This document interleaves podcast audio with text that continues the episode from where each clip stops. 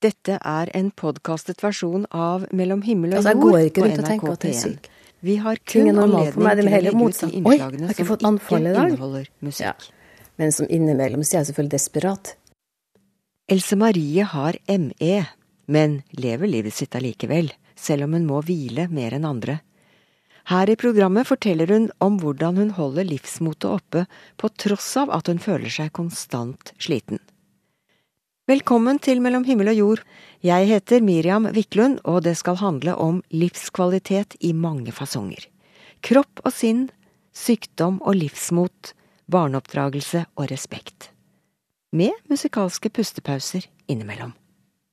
Vi kan alle rammes av alvorlig sykdom i løpet av livet, men vi takler det ofte svært forskjellig. Da 60 år gamle Else Marie Høien fikk påvist ME for ca. 12 år siden, ble det starten på et vendepunkt som har gitt henne et nytt syn på livet og på seg selv som menneske. Her i soverommet, vi har nettopp flytta hit, så det er jo et oppbevaringsrom her. Når jeg kjenner at jeg har ekstra behov for hvile og ro, så tar jeg opp maskinene helt. Jeg tar dem så mørkt jeg kan, og så ligger jeg under dyna her. Da handler det veldig ofte om å holde ut. Ja, holde ut her bare når jeg må. Jeg har ikke noe lyst, jeg bare må. Og for Else Marie Høien har det blitt mange timer på soverommet de siste ti årene.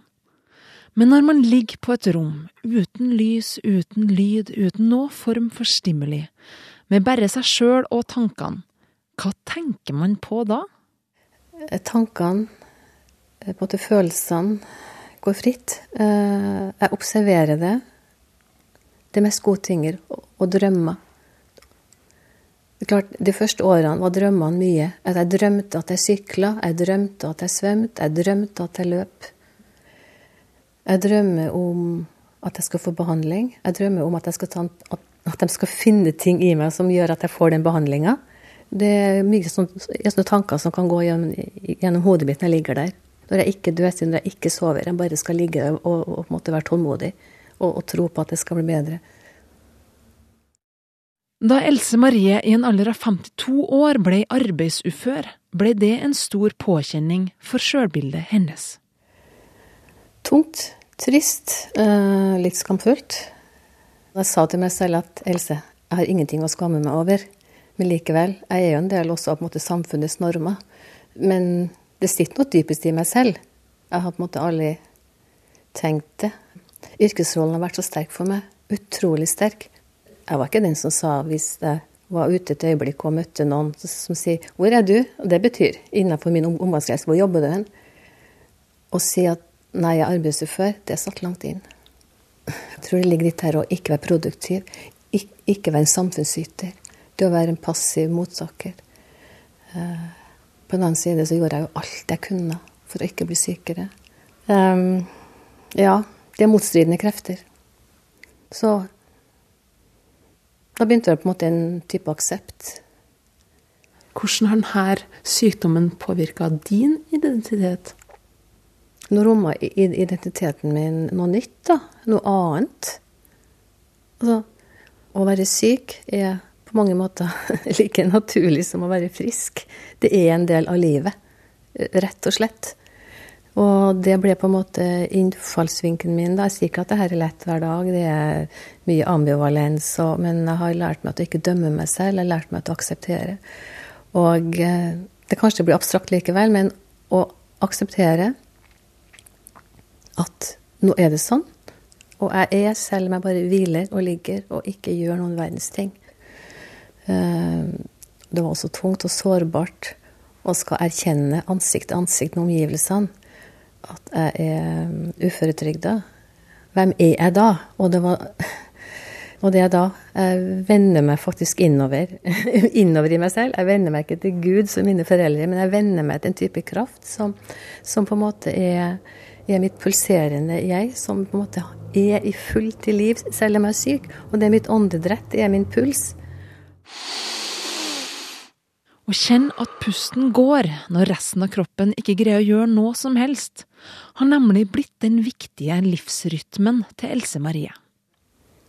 Livet er, uansett livet er, det er livssituasjonen min, det er verden som forandrer seg. Livet mitt er.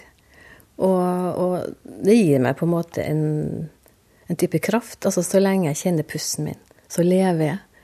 Ja, for hva legger du i det begrepet? Livet mitt er? Så livet er som en sånn kraft så lenge jeg puster. Så lenge jeg kan koble meg på min autonome pust, så er det på en måte en kilde som alltid er der, uavhengig av hvordan livssituasjonen min er. Det nye på en måte var at jeg skiller mellom livet og livssituasjonen. Altså livet er nesten en slags type konstant faktor. Fra jeg blir født og til jeg dør Jeg er en del av naturen. Skaperverket, ja. Her tidligere hadde jeg stol fra hjelpemiddelsentralen, jeg trodde jeg ble frisk og leverte tilbake. Ved kjøkkenbenken står det en fast barkrakk, sånn at hun kan ordne maten sin med minst mulig anstrengelser. Hjelpemidler og tilrettelegging er blitt en viktig del av hverdagen. Og da kan til og med små og store reiser gjennomføres, sjøl om en har ME. Så det ligger en veldig kraft i det her og OK, hva kan jeg gjøre? Det og det kan jeg ikke gjøre, men altså det kan jeg gjøre. Og så hadde jeg hørt om Santiago de Compostela, hadde lenge lyst til å dra dit. Og så tenkte jeg at jammen meg, når jeg kjenner at eh, anfallet begynner å gå over, så vil jeg undersøke om jeg har muligheten for å komme meg dit. Så for å gjøre en, en lang historie kort Mannen min, Anders, han fulgte meg til metroen. Og metroen gikk til jernbanestasjonen, og toget gikk til Santiago de Campostella. Og så tok jeg drosje fra jernbanestasjonen til hotellet. Og tok jeg heisen opp fra drosjen og opp til rommet mitt. Da neste dag eh, tok drosje slik at jeg kom inn i katedralen. Og jeg hørte litt på guiding og gikk ned i kjelleren for å se på gravkammeret. Og så ble jeg så utmatta, så jeg la meg faktisk ned i en åpen grav og hvilte helt til det kom en, kom en guide også for å se om det var liv i meg. Og noen turister tok bilder, men jeg syntes det var veldig flatterende. Så sånn har jeg gjort. Jeg vet ikke hvor mange butikker. Jeg har vært, jeg har vært på bakrommet og fått en stol, eller lagt på en benk. Gitt blaffen i hva folk tenker om. Må jeg ligge, så må jeg ligge. Jeg legger meg for å stå opp. Altså det å ligge faktisk eh, gir muligheter for å stå opp. Sykdommen har kanskje først og fremst krevd en del praktiske endringer i hverdagen. Men Else Marie kan også merke endringene i seg sjøl og måten hun ser på livet. Jeg trengte ikke ME for å gå videre i min utvikling, men når jeg først har fått en sånn til tider invalidiserende sykdom og en sykdom som i hvert fall når jeg blir syk, ikke var anerkjent. Da har jeg tenkt at jeg skal utnytte til alt det er verdt. Jeg har brukt denne vendingen livet mitt tok, til å gå inn i dypdykk i noe som jeg ellers ikke ville ha gjort. Men um, også en vending, sånn som jeg på en måte sa, det her med forsoning. For det første så bestemte jeg meg for at jeg ikke skal tilbake i forhold til livet mitt. Det går ikke an. Livet mitt er her og nå. Og så får jeg bare være åpen i forhold til hvordan det arter seg. Begynte å verdsette livet på en annen måte, eller? Jeg vet, Det kan jeg ikke si. Altså, jeg er jo vokst opp i en sterk åndelig familie, en stor kristen slekt. Jeg er ikke selv kristen, men jeg har jo alltid vært et åndelig menneske.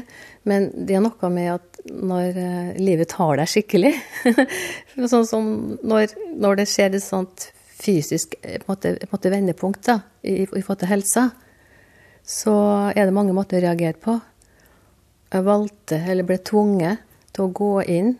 Gå inn i en type forsoning. Gå inn i en type indre ro, eh, stillhet.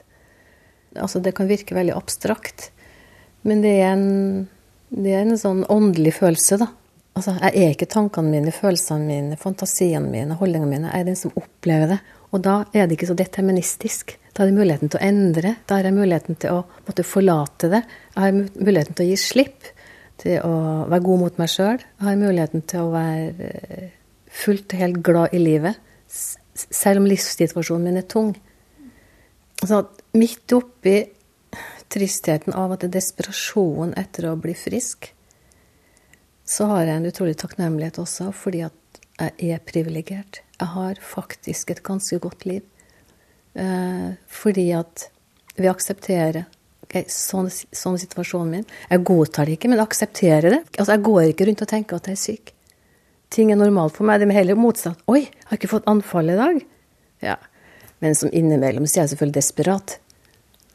Men, eh, men eh, nei. Jeg reiste i rullestol til Cuba. Jeg har deltatt på fagseminar. Jeg var oppe fire timer i løpet av et døgn, og resten lå jeg på hotellrommet. Men altså, det var verdt det. Alt jeg har gjort, har vært verdt det. Jeg angrer meg ikke for noen verdens ting. Jeg har fått et liv, og jeg skal leve det så godt jeg kan. Det går ikke an å på en måte legge bort de mulighetene. Våg å være den jeg er, da. Ikke skamme meg over det. Um, ja. Det var reporter Kristin Norvoll Mork som snakket med Else Marie Høien. Barn må ikke lære å ha respekt.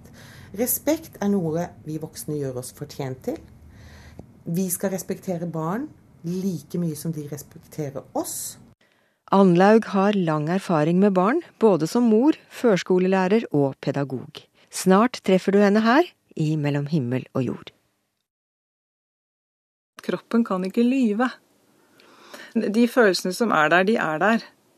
Du kan late som de ikke er der, eller du kan eh, på en måte koble ut kroppen, men det er der allikevel. For kropp og sinn hører sammen, sier psykomotorisk terapeut Runa Helmersen. Mer om hvordan følelsene påvirker kroppen og vice versa etter hvert. Å oppdra barn er ikke alltid lett. Mange snakker om betydningen av kvalitetstid, og prøver å lære ungene folkeskikk og ikke minst respekt. Men ingen av delene har trebarnsmoren Anlaug Madland sansen for. Hun er utdannet førskolelærer og er tidligere universitetslektor i førskoleutdanning. Da hun for litt siden ble spurt om hun er enig i at unger må lære seg å ha respekt for de voksne, ja, så svarte hun spontant. Fullstendig uenig i det. Barn må ikke lære å ha respekt. Respekt er noe vi voksne gjør oss fortjent til. Helt klart. Eh, og mm, vi skal respektere barn like mye som de respekterer oss. Og det tar tid. Og, og, mm, det tar tid å gjøre seg fortjent til respekt. Og da har jeg lyst til å si noe om eh, noe som ofte har vært hevda. Eh, at, at, vi må sørge for å ha kvalitetstid med barn. Jeg kunne tenkt meg den personen som introduserte det begrepet, skulle jeg gjerne gitt inn så øra flagra. Fordi at eh, kvalitetstid, en tur til Australia, Disney World, eh, uke i Syden, hjelper ingenting. Det har ingen verdi hvis ikke man har kvantitetstid. Og det vil si at man er sammen med barn, til stede, Gjennom snørr og tårer og bleieskift og pubertetskviser og smelling med dører og kjærlighetssorger og alt. Ehm, det er det som trengs for å få et så nært forhold og på en måte bli testa i så mange situasjoner at barn og ungdom får respekt for oss. Eh, mange voksne kan bli, eller være i utgangspunktet, veldig lite fleksible. Eh, jeg kaller en del voksne regelryttere, og de fleste vet hva det er. Og det, de finnes også i barnehagesammenheng, eh, og i de fleste sammenhenger. Eh, og mm, dette er et eksempel forferdelig langt tilbake i tid. Den gangen barna heldigvis fremdeles gikk i barnehagen til de var syv, eller begynte på skolen når de var syv. Um, og det var en av de eldste guttene. Som nok var i utgangspunktet en i overkant forsiktig og litt redd gutt. Hadde nok en del erfaringer i livet som gjorde at han var blitt sånn. Ikke uten grunn. Uh, og på fredager så hadde vi, og den tradisjonen tror jeg fins ennå, vi hadde tomatsuppe med makaroni. Og vi snakker posesuppe. Og det spiser jo aldri jeg lenger, for å si det sånn. Men vi hadde det. Og det var veldig stor stas. Det var Å, det er suppe. Barna var helt sånn. Og så hadde vi noen sånne ritualer før måltidet. Vi tente lys.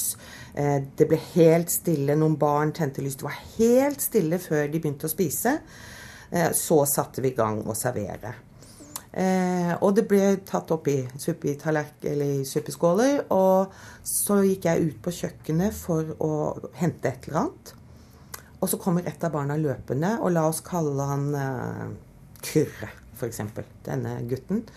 Du må komme, du må komme, Anlaug. Det, er noe- det er noe rart med Kyrre.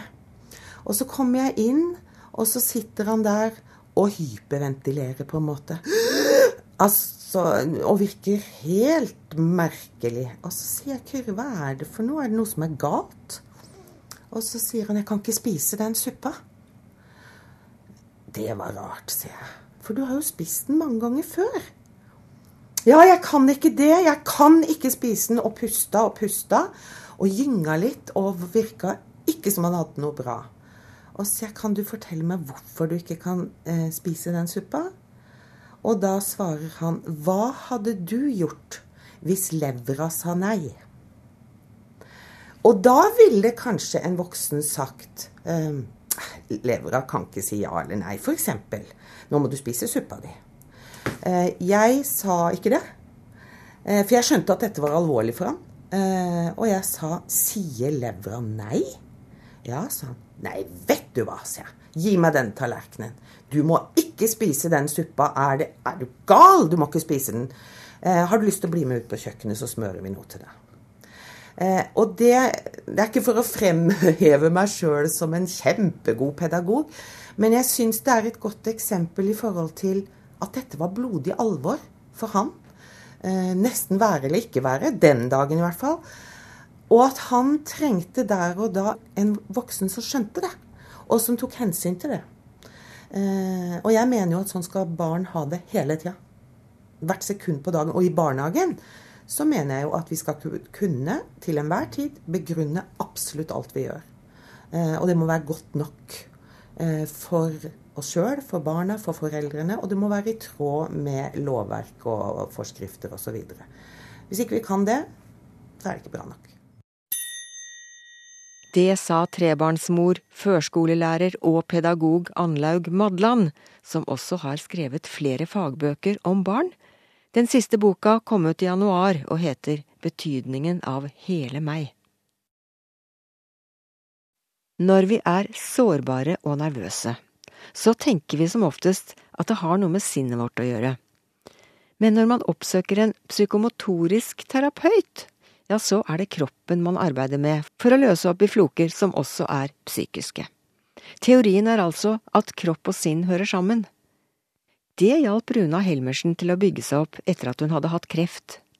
I dag er hun selv psykomotorisk terapeut, og nylig har hun skrevet boken Hjemme i din egen kropp om fysisk og psykisk kroppsbevissthet. Og nå drar jeg opp spaken til et studio i Oslo.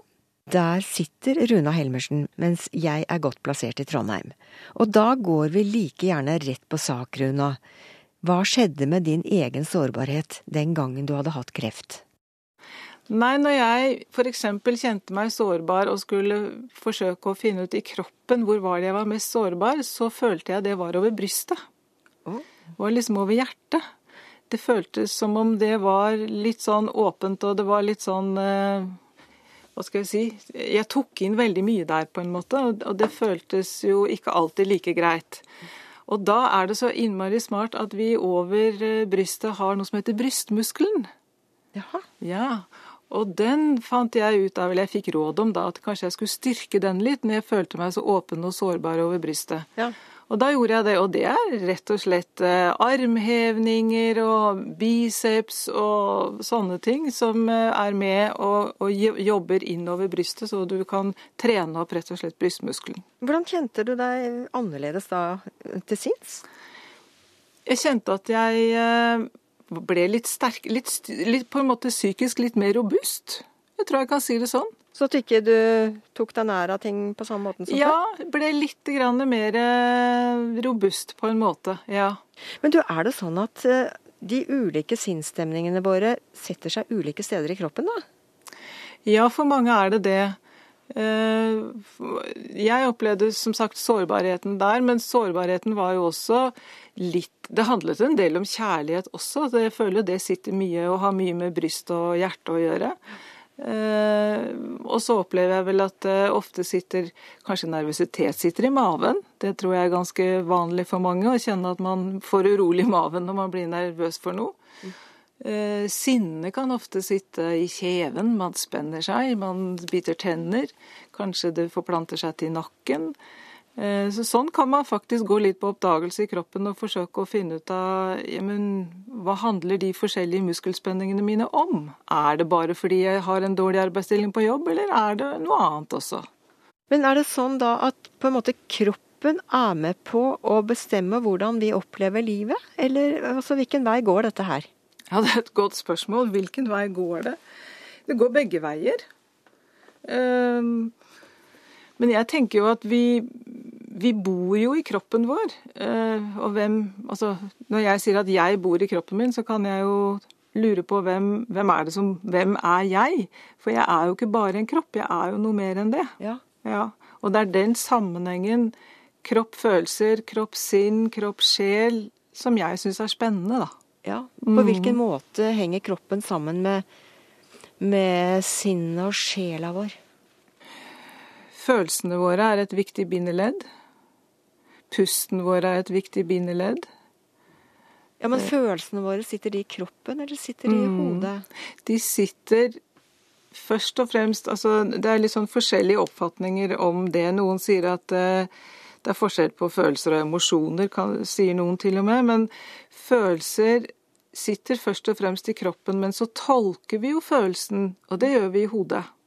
Så alle følelser har jo egentlig en informasjon til oss hvis vi tar oss tid til å lytte til dem. Akkurat. Ja, så du kan gå og ha vondt i magen og ikke helt skjønne hvorfor du har vondt i magen. Mm. Inntil noen setter deg på tanken at det er kanskje fordi prikk, prikk, prikk. Ja. At, at hva da, for eksempel? En ting er at det er ting du kan gå og være nervøs for, kanskje. Kanskje du er engstelig for noe. Eh, men i maven sitter jo også fordøyelsen vår. Sånn at eh, jeg tenker også at vi fordøyer mye i maven, ikke bare mat. Men man kan også tenke at eh, det er, et, det er et annet slags fordøyelsessystem i kroppen også. Og der, der er følelsene medvirkende, da, kan du si. Altså at du f.eks. i overført betydning da, kan tenke på at et problem er ufordøyelig? At du kan få vondt i magen av å gå og tenke på et problem? Ja. ja. Mm. Du fordøyer ikke den ja. Mm. ja. det kan du godt si. Mm. Ja. Men kan, kan, jeg, kan, jeg, gjøre noe med kroppen min, da? Hvis jeg har et problem og jeg kjenner vondt i magen, er det problemet jeg må løse, eller er det noe i magen jeg kan gjøre? Begge deler. Men jeg går jo ofte eh, direkte til kroppen. Go to body, sier jeg. Ja. Og da eh, forsøker jeg å hjelpe mennesker til å kjenne etter hvordan kjennes det ut nedi maven. Hva er det du kjenner der? Går det an å sette ord på det du kjenner? Eh, og eksempel så var det en som en gang sa at ja, men det, det kjennes ut som en hard klump der. Og det syntes hun jo var veldig ubehagelig å kjenne på. Ja, sa jeg, men hvis du liksom blir ved med å kjenne på den klumpen litt, altså forandrer den seg, eller hvordan Altså er den fortsatt hard, eller Og så brukte vi litt tid på det, da. At hun liksom hva skal jeg si, ble oppfordret av meg til å bruke tid på å kjenne på den klumpen. Og så sette litt ord på den. Og det rare var at da sa hun nei, nå er det akkurat som den begynner å gå litt sånn, om ikke i oppløsning, men den blir ikke så hard lenger. Mm. Og da kunne energien til slutt faktisk sirkulere rundt i hele kroppen og nesten gjøre godt istedenfor å være en sånn hard klump i maven. Mm. Kroppen kan ikke lyve. Vi kan finne på mye rart og lure oss selv oppi hodet vårt, men kroppen kan ikke lyve. Hvordan da? Nei, den, de følelsene som er der, de er der. Du kan overhøre dem. Du kan late som de ikke er der, eller du kan eh, på en måte koble ut kroppen. Men det er der allikevel. Hva skjer med oss hvis vi ikke tar hensyn til det, da, og hvis vi bare fortrenger det? For det første så mister vi jo en viktig dimensjon i livet. Altså det å oppleve og føle at man har en kropp man kan være hjemme i. Det er en veldig god følelse. Men hvis du ikke har det, eller hvis ikke du merker kroppen din, at den bare bare er der, liksom, som et sånn vedheng til hodet, for å si det sånn, så vil jeg jo si at man går glipp av noe viktig her i livet. Fordi det å merke alle kroppens gode nyanser, altså de gode følelsene i kroppen, det var kanskje det arbeidet med kroppsbevissthet først og fremst lærte meg, i hvert fall.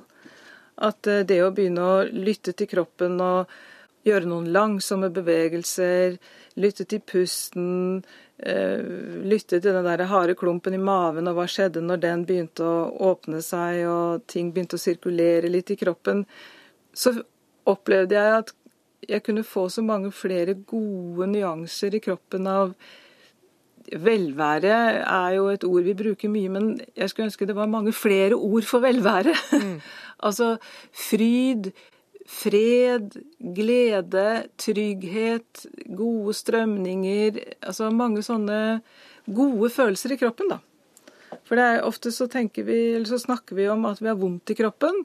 Det er liksom det. Eller så er bare kroppen der og gjør det den skal og, og er liksom et vedheng til hodet. Det er noe som heter nei-muskler og noe som heter ja-muskler, har jeg hørt. Hva er det? nei-muskler er de musklene som uh, gjør at du uh, Hva skal jeg si kan uh, skyve fra deg og si nei, nå er det nok. Nå setter jeg en grense, nå vil jeg ikke mer. Og i overført, altså Det er i overført betydning, men i rent konkret fysisk betydning så er det faktisk overarmsmusklene våre tricepsmusklene. Det er de musklene på overarmen som gjør at vi kan strekke ut armene våre. Og når du strekker ut armene dine, så kan du tenke deg at eh, du skyver noe vekk. Vekk fra deg. Så hvis du har svake sånne tricepsmuskler, betyr det da at du kanskje har vanskelig for å si nei? Kanskje. Jeg har i hvert fall eh, nevnt det en del ganger opp igjennom når jeg har eh, hatt eh, damer på trim eller klienter i behandling, og vi har kommet til å snakke om sånne ting, så kjenner de på tricepsene sine, og så henger de litt og slenger noen ganger, og så får vi oss en god latter. Men det er en latter som det liksom bunner et eller annet i. Fordi jeg hører jo ofte at å ja. Mm. hmm, så trenger vi ikke si mer. Nei, Nei. For ettergivende. ja. ja. Men hva er ja-muskler da? Ja-muskler er jo det, kan du si, det motsatte. Det er jo de som eh, gjør at du tar ting inn. Så hvis du tenker at du strekker og åpner armene helt ut, og så bøyer du og tar hendene inn mot kroppen, og så tar du ting inn til deg. Så det er jo på en måte å ta til deg det du trenger av hva det nå måtte være. Kan du se på folks eh, kroppsholdning hvordan de har det psykisk? Det tror jeg de fleste kan, jeg egentlig.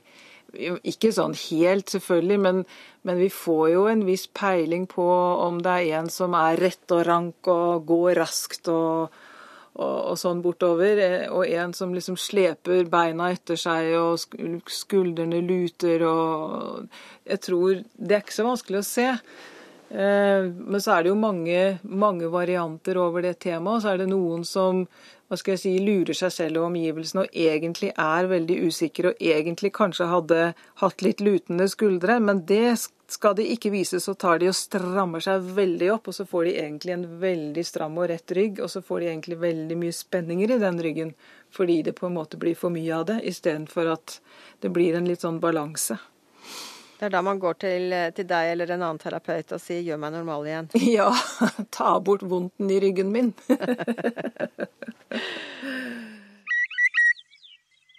Det sa psykomotorisk terapeut Runa Helmersen, som også utdanner såkalte avspenningsterapeuter, og som nylig har kommet ut med boka 'Hjemme i din egen kropp', om kroppsbevissthet i selvutvikling og terapi. Hva er din livsfilosofi? Vi tok med oss spørsmålet til Trondheim sentrum for litt siden, og her er hva noen forbipasserende svarte. Én dag om gangen, ja. Mm. Og fungerer det for deg? Livet henger på en liten tråd. Henger i en liten tråd. Derfor så tar jeg én ting av gangen. Når du sier en liten tråd, hva mener du da? Ja, nei, Jeg har nettopp vært inn i en operasjon, en hjerteoperasjon. Og Derfor så henger det en tynn tråd. Ja, Og da fikk du virkelig oppleve at det Ja, det fikk jeg oppleve da, ja. At uh, livet ikke bare er bare. Hvordan er det å ta én dag av gangen nå? Nei, hva skal en si da. Før så var det litt mer full fart, og nå er det å ta det med ro. Ikke forhaste deg med noen ting. Så lenge jeg får være frisk, så er jeg glad. og da er spørsmålet, Har du fått lov til å være frisk, da? Ja. 75 år, men eh, små bagateller. Hvis livet er langt nede, så snur det på huet. Hva du tenker da? Ja, altså, det, det var jo rundt ting som skjedde i mitt liv. Uh, men uh, altså, hvis du snur det på huet, så blir ting plutselig helt annerledes. Og det løste hele saken veldig bra, egentlig. Så, så for deg så funka det faktisk å, å tenke på det her motto- eller slagordet, altså? Ja, det gjorde det. Uh, og det, det ble en veldig stor del av livet mitt i en lengre periode. Så ja. Alt ordner seg. Ja. Og så må du bare stå på uansett. Ja. Du kan ikke legge deg, altså. Nei. Men ja, du bruker den i ditt eget liv. På hvilken måte? Ja, jeg, jeg gjør det at jeg er opp hver dag og går til byen, ikke sant. Jeg har jo vært enke i 25 år. Men jeg kan jo ikke bare sette meg til inn. Nei, så vi ser det positive i det. Mm. Enn du, alt ordner seg. Har du opplevd det, det konkret, at det har liksom vært, altså, vært til hjelp i livet? Ja, absolutt. Det, det er bestandig mange motbakker. Men det ordner seg som regel. Så alt ordner seg. Ja. Ja, det ordner seg alltid for snille gutter. Hva betyr det for deg? Nei, det betyr at hvis du oppfører deg ordentlig mot andre, så vil det du ønsker ordne seg. Hvor har du hørt det? Vet du hvor det kommer fra? Oldemor og bestemor. Ja, men herregud, det er jo bare å godta det. Man bør ikke noe slagord for det. Det er jo bare å følge oppgang og nedgang, og det har vi jo alle sammen. Det er jo en del av livet. Hvis man ønsker en endring i livet sitt, så må du gjøre noen forandringer på hva du gjør og det du fysisk gjør. Sånn at du lærer hjernen å tenke i andre baner. Og da er det du tar kontroll over hjernen, din egen hjerne, tar kontroll over din egen vilje, og så skjer forandringa. Fantastisk. Du prater som du har opplevd at det her har funka i ditt e- eget liv. Har, har, du, har du brukt det her sjøl? Jeg bruker det sjøl, men jeg bruker det jeg jobber med ungdom. Og bruker det ganske bevisst i forhold til dem. Og det ser ut til å virke bra. En dag om senn. Man skal ikke ta alt sammen på forskudd, men man skal ta en, gang, en dag om gangen. Det er motgang, det går oppover. Får du bruk for det i ditt eget liv? Jo, det hender seg jo det. Av og til så føler en jo at ting går litt trått, og da må det jo bare gå oppover. Men hvor kommer du fra, eller hvor har du det fra, du? Nei, Jeg tror jeg leste det i bok eller et eller annet sånt, tror jeg. Ja. Jeg følte at det bare stemte. At man som regel er mer tilpasningsdyktig enn det man tror.